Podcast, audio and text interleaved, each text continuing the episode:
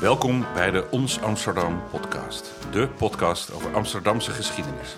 Al bijna 75 jaar schrijven wij in het tijdschrift Ons Amsterdam over het verleden van de stad in geuren en kleuren. En nu gaan we er ook over praten. Dat vinden wij leuk, want over die verhalen valt vaak nog veel meer te vertellen dan we in de pagina's van het blad kwijt kunnen. In deze aflevering gaan we terug naar het eind van de 19e eeuw, een rumoerige tijd. De slavernij in Suriname is afgeschaft. De plantages storten in. Er worden contractarbeiders geworven om die plantages weer te bevolken en de kolonie overeind te houden. En sommige van die contractarbeiders komen uit Java. Ehm, die reisden niet direct naar Suriname, maar maakten een tussenstop in Amsterdam. En Mark Ponte, die tegenover mij zit, onderzoeker bij het Stadsarchief, schreef daar in ons juni-nummer een artikel over. Uh, maar hij heeft van nog veel meer dingen verstand. Uh, welkom, Mark. Uh, om te beginnen, onderzoeker bij het Stadsarchief. Wat onderzoek jij dan in het Stadsarchief? nou, ik onderzoek allerlei verschillende dingen. Het meeste is natuurlijk voor tentoonstellingen en, en, stukken die op de website verschijnen. En soms ook in ons Amsterdam. Um, ja, want onze lezers kunnen jou kennen van de onze rubriek eigenlijk, Amsterdamse akte. Elke keer een vondst uit die notarisarchieven die tot een verhaal leidt. Uh, Klopt. Ja, wat we natuurlijk, we zijn al meer dan zes jaar bezig met het uh, ontsluiten van de, dat enorme archief van de Amsterdamse notarissen, het notarieel archief. En um, 3,5 kilometer uh, planklengte. Rood, ja. inmiddels is daar heel wat van geïndexeerd door honderden vrijwilligers. En ja, in die notariële akte zitten natuurlijk nou, niet honderdduizenden verhalen over de Amsterdamse geschiedenis. en af en toe ja, licht ik er eentje uit uh, uh, voor uh, ons Amsterdam. Ja, en dat, dat is hele leuke verhalen zijn het altijd. maar jij bent ook, ook speciaal gaan opletten waar veel van die mensen vandaan kwamen. Je, je, kwam eigenlijk op het spoor van de herkomst van de hele Amsterdammers. Die natuurlijk gewoon als Saartje Janszoon of Klaas Pieters in de archieven staan maar die dan in Angola geboren blijken te zijn of in Brazilië of dergelijke. Ja, dat is eigenlijk een soort uh, side-project waar ik al jaren mee bezig ben. Dat is namelijk het onderzoek naar zwarte Amsterdammers in de 17e eeuw. En uh, hè, in de omgeving van uh, het Waterloopplein, Rem, hè, bij Rembrandt in de buurt, Jode Breestraat, Vlooienburg. Um, wat ooit ontstaan is um, uit de Amsterdamse ondertrouwakte, die natuurlijk de, alle herkomstplaatsen... Ja, ja. En um, maar dat kan je natuurlijk heel mooi inkleuren, dat soort verhalen, uh, met allerlei notariële akten waarin dus ja, het dagelijks leven op straat wordt beschreven. En van daaruit ja, is mijn interesse naar zeg maar uh, Amsterdammers van, van buiten Europa. Of van alle uithoeken van Europa ook gegroeid. En daar heb ik wel een speciale interesse voor. Dus regelmatig schrijf ik ook over, nou ja, wat is het, Armeniërs, ja. Marokkanen, uh, um, Grieken. Hè, Dus ik ja, ga wel op zoek naar ook. Amsterdam was natuurlijk ja, in de 17e eeuw een enorm, een heel belangrijke havenstad, een wereldstraat, stad. Ja, en niet je, alleen. Je kleurt het letterlijk in eigenlijk. Het blijkt dat die stad veel diverser was nog dan je zou denken misschien. Maar door die belangstelling voor die zwarte Amsterdammers ben je daardoor terechtgekomen automatisch in slavernijgeschiedenis en de geschiedenis van de Amsterdamse betrokkenheid bij Suriname. Ja, eigenlijk, deels, eigenlijk is het andersom gegaan. Andersom? ja, in de zin van, uh, ik ben deels uh, ja, opgegroeid ook in Suriname. Dus ik ken de Surinaamse geschiedenis uh, heel goed. En de slavernijgeschiedenis kreeg ik gewoon op de middelbare school aangeboden. Oh, toch wel? ja, ja, daar wel, in Suriname. Dus die Surinaamse geschiedenis kende ik al heel lang. Nou, toen heb ik uitstapjes gemaakt naar Amsterdam. Hè. Ik ging natuurlijk hier studeren en, en ook nou, bij het Stadsarchief werken. Ehm, en, maar langzaam ben ik weer via die geschiedenis ben ik weer uh, teruggekomen nou ja, bij uh, zowel slavernij, slavernijgeschiedenis van de stad, uh, migratie, de aanwezigheid van, van ja, mensen van over de wereld, hele wereld hier. En, en dat leidt nu, deze, dit jaar, deze zomer, tot een tentoonstelling over relaties tussen Surinaamse families en Nederlandse families, als ik goed begrepen heb. Ja. Nou, we maken een tentoonstelling die heet Familie Familie. Familie is het woord voor familie natuurlijk. En het gaat eigenlijk over dat, het fenomeen dat vanaf de 17e eeuw, vanaf dat ja, uh, Nederlanders, om het zo maar even te noemen, Suriname veroverd hebben, uh, ja, zijn er uh, natuurlijk mensen daar naartoe gemigreerd. En bleven er ook mensen hier in Amsterdam achter. en had je transnationale families.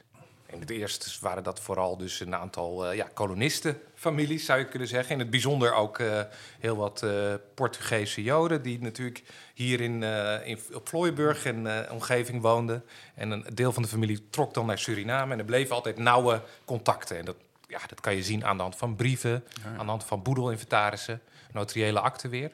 Um, en dat fenomeen, ja, dat bestaat natuurlijk nog steeds. Want nu, ja, in, in, uh, in de 20e eeuw zijn er natuurlijk heel veel Surinamers naar Amsterdam gekomen. Uh, met name rond de onafhankelijkheid in 75. Mm. En voor heel veel families is het zo dat het, de helft van de familie woont in, in uh, Suriname en de andere helft hier in Amsterdam. Maar voor heel veel mensen is dat gewoon een, een, een realiteit. Dat, dat ze, die samenleving bestaat uit ja, twee kanten van de oceaan. En dat proberen we in deze tentoonstelling een beetje in beeld te brengen.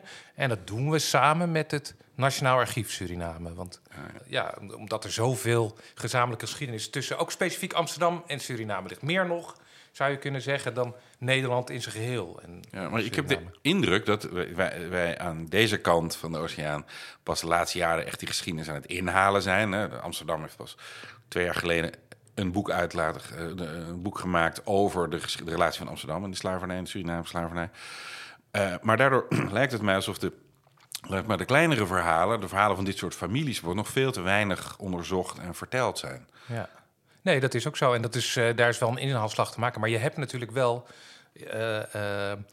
bijvoorbeeld organisaties als de Vereniging voor Surinaamse Genealogie, die een blad uitgeven, dat heet Wirutu. En daar wordt uh, bijvoorbeeld uh, twee keer per jaar worden meerdere uh, ja, kleine verhalen, familieverhalen eigenlijk geschreven. Door de mensen zelf ook, meestal hè, genealogisch onderzoek naar eigen familie. Maar ook een aantal professionals die daar actief zijn. Dus dat is wel juist, en daar is ook heel veel interesse voor. De, kijk, we weten nou hè, dat het heel erg was. En uh, en en een, een, ja, een grof uh, schandalige geschiedenis, zo kunnen we het uh, wel om, omschrijven. Maar hoe dat nou echt concreet voor mensen en voor heel veel mensen zijn dat voorouders, maar ook voor mensen die gewoon geïnteresseerd zijn. Ja, hoe, hoe zat het leven dan echt in elkaar? Ja. En dat is natuurlijk ook vaak veel ingewikkelder dan en veel minder zwart-wit letterlijk in deze geschiedenis dan, dan, ja, dan, dan dat je in eerste instantie zou denken. Ja, en om maar even met zo'n complex verhaal te beginnen. Hè. De, de, waar we het nu over hebben is over de import van nieuwe arbeiders in uh, Suriname. Na de afschaffing van de slavernij in 1863 waren de vrijgemaakte slaven verplicht om een nieuw contract af te sluiten voor tien jaar. Want ongeveer de helft heeft dat gedaan. Die moesten dus doorwerken. Maar er ontstond dus, als je het van de kant van de plantagehouders bekijkt, een enorm probleem. Er was gewoon een arbeidsprobleem. En vanaf de jaren 50 is er al, zijn er al mensen geïmporteerd uit China, geloof ja, ik. Uh, in eerste instantie keek men, eh, heeft men naar China gekeken. Daarna uh, vooral naar uh, India. Hè, want in de om, directe omgeving, in Guyana, British Guyana en Trinidad en Jamaica... daar werden na de afschaffing van slavernij... waren er al heel veel uh, Brits-Indische, zoals dat toen genoemd werd, contractarbeiders. Want, want uh, de Britten hadden de slavernij al eerder ja, afgeschaft. Die hebben dus, in, ja. in 1834 uh, was dat al afgeschaft. Nou, voor, voor Suriname geldt dat in eerste instantie werd er ook gekeken naar India. Ook omdat dat dus, nou, er was al een vaste route naar, vanuit India via Afrika, rondom de Kaap en dan naar het Caribisch gebied. En, uh, en ja, daar werden dus contractarbeiders geworven. Maar al, al vrij snel keken de Nederlanders, het koloniaal bestuur, ook naar van ja, god, we hebben natuurlijk uh, Nederlands-Indië. Dat is dus in, vanaf 1890 besloot men dus van nou, misschien gaan we inderdaad uh, maar eens ook Javanen contracteren. Ja, nou, dus het verschil was natuurlijk, er was geen lijndienst van Nederlands-Indië naar Suriname van uh, toenmalig Batavia, Jakarta. Dus wat ging men doen? We, uh, ja, men dacht, uh, ja, we hebben natuurlijk gewoon lijndiensten. Dus, dus uh, en er zijn twee lijndiensten. Dat is namelijk de West-Indische Mail van Suriname naar Amst Amsterdam. En dan ja, waren er meerdere schepen die, hm. die dan heen en weer tussen Nederlands-Indië via het Suezkanaal gingen. Um, en in eerste instantie ja, heeft men dus gebruik gemaakt van die lijndiensten. En dat betekende dus dat uh, de Javanen die in, uh, ingescheept waren, die gingen eerst naar Amsterdam. Uh, en, en, die moesten dus soms even wachten en op die de moesten eigenlijk altijd wel En- even wachten. Dat kan Ja. dagen zijn, het kan een aantal weken zijn. Hè, want het, dat, ja, dat ging niet helemaal Ja. één op één. En die moesten dan gehuisvest worden in, in, in Amsterdam. De, die, artikel gaat uit van twee fotootjes die gemaakt zijn omstreeks 1900 Ja. in Amsterdam. Wat is er eigenlijk op die fotootjes te zien? Ja, het zijn eh, twee hele kleine fotootjes die eh, eh, ja, rond 1900 zijn gemaakt. Op de, op de ene fotootje zie je ja, drie Javaanse jonge mannen die poseren met blote voeten op de handelskade hier in Amsterdam. Op de achtergrond zie je nog een aantal mensen rondlopen, ook met blote voeten. Ehm, we zien het schip eh, Madura. Ehm, het schip waar ze waarschijnlijk mee zijn aangekomen uit, eh, uit Java. En op het andere fotootje staan eigenlijk ja, de hele groep contractarbeiders die toen aan is gekomen, eh, die poseren echt. Maar die is de foto die in het ar- archief beland is, is van de zijkant genomen. En waarschijnlijk zit, staat aan de voorkant een andere fotograaf die we nog niet kennen. En wie weet duikt de foto nog eens op. Ehm, waarin dus vanaf de zijkant die mensen poseren voor het gebouw waar zij ook eh, werden gehuisvest. Ja. Eh, en het baarden nogal opzien. dat baarden af en toe wel opzien. En je ziet dus Ja. ook dat af en toe er ingezonde brieven zijn verschenen. Ehm, en ik, ik citeer ook een voorbeeldje in het artikel, inderdaad uit 1900, meen ik, van een, een dame die dan eh, in de haven is geweest om een schip uit te zwaaien. En haar oog is gevallen op een groep Javanen. eh, die daar met blote voeten in ons koude klimaat eh, stonden te Hmm. bibberen op de kade. En dat is eigenlijk, ja, dat illustreert, is, kan je ook zien aan die twee fotootjes Ja. eigenlijk. En dat maakt het zijn twee mini-fotootjes. Maar ze vertellen eigenlijk dat verhaal van Ja. dus mensen die hier... en wat een periode, dus ja, 24 jaar lang... iedere eh, paar maanden stond er zo'n groep hier op de kade... die enkele dagen of weken zich hier vermaakt Mm. hebben. Ze kwamen niet veel in de binnenstad, denk ik. Een enkele keer wel, er wordt er ook over geschreven. Ja. Dat het toch wel- er werd baarden wel opzien. Dus dat er dan een groep eh, Door- ja, de- mensen weer met blote voeten door de Kalverstraat Ja. lopen. En, en, hè, en ja, die mensen stonden dan allemaal even tijdelijk hier. Dan werden ze ondergebracht in een loods eh, in het havengebied. Ja. Ehm, en uit verschillende bronnen blijkt dat ze ook af en toe... Hè, mensen kwamen ook ziek aan en werden hier in het ziekenhuis opgenomen. Ehm, En je beschrijft dat één iemand ook zijn verstand verliest. Hier, ja, ja, dus eh, ja, zoals dat soms gaat. En het was ook ja, totaal onderheemd misschien. En, eh, Maar er was inderdaad iemand, en het zal wel vaker zijn gebeurd... maar dat is eentje die ook de krant heeft eh, bereikt...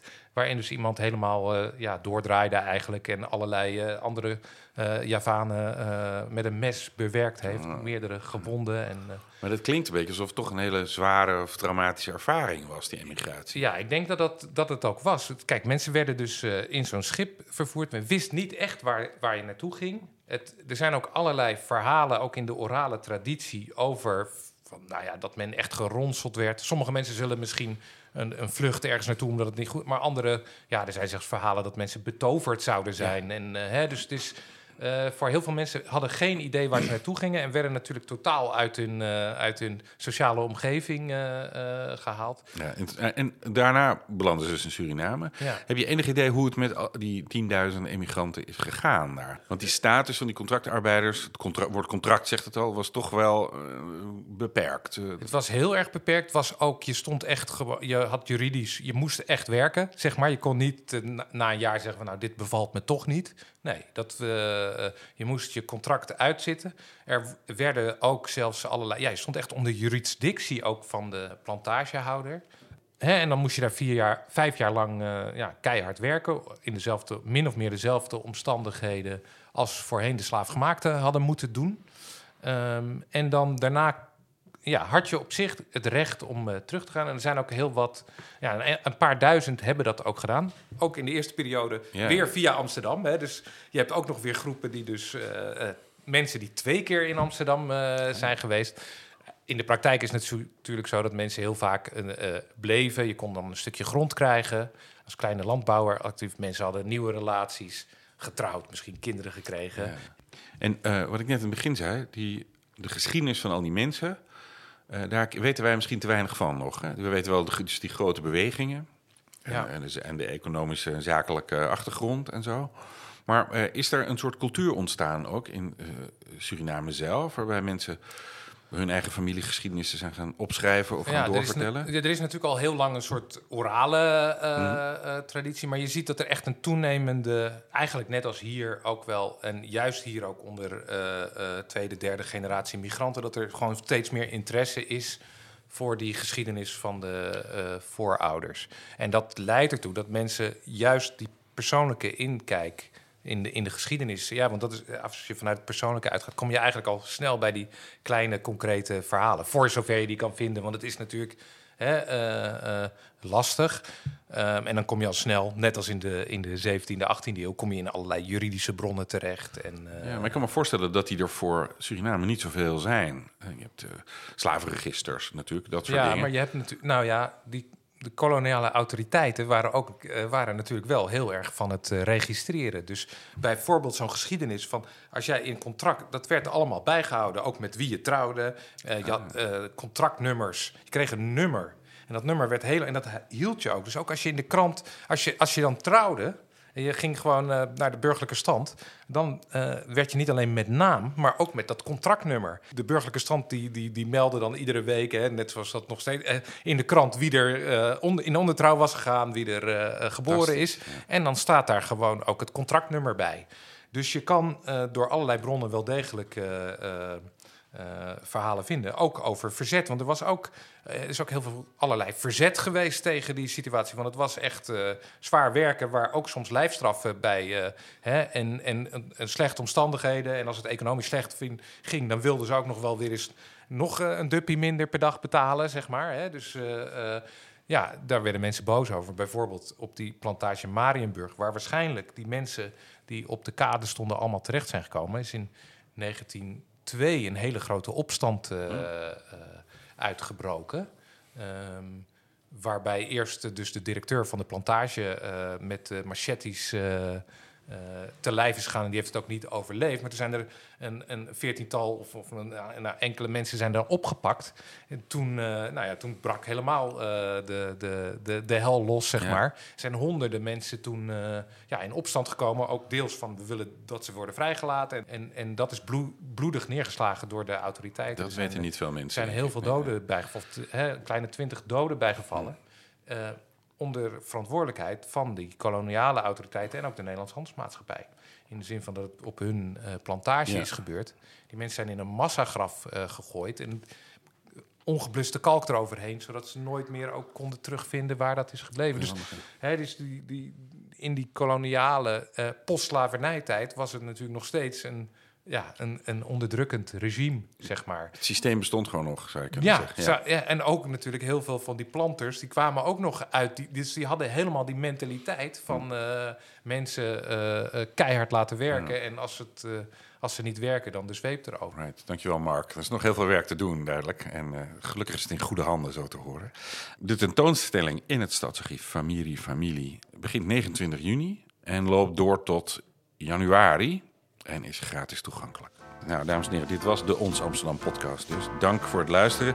Eh, het besproken artikel kunt u lezen in ons juli-nummer. Dat ligt nu in de winkel. U kunt het ook op de website vinden. Wilt u meer Amsterdamse verhalen? Kijk dan op onsamsterdam.nl. Volg ons op Facebook of Instagram. Of abonneer je op deze podcast. Reageren of vragen stellen kan ook via het e-mailadres redactie.onsamsterdam.nl. Deze aflevering maakten wij samen met Tessel Dekker en de muziek werd gemaakt door Sjaak Dauma. Tot de volgende keer.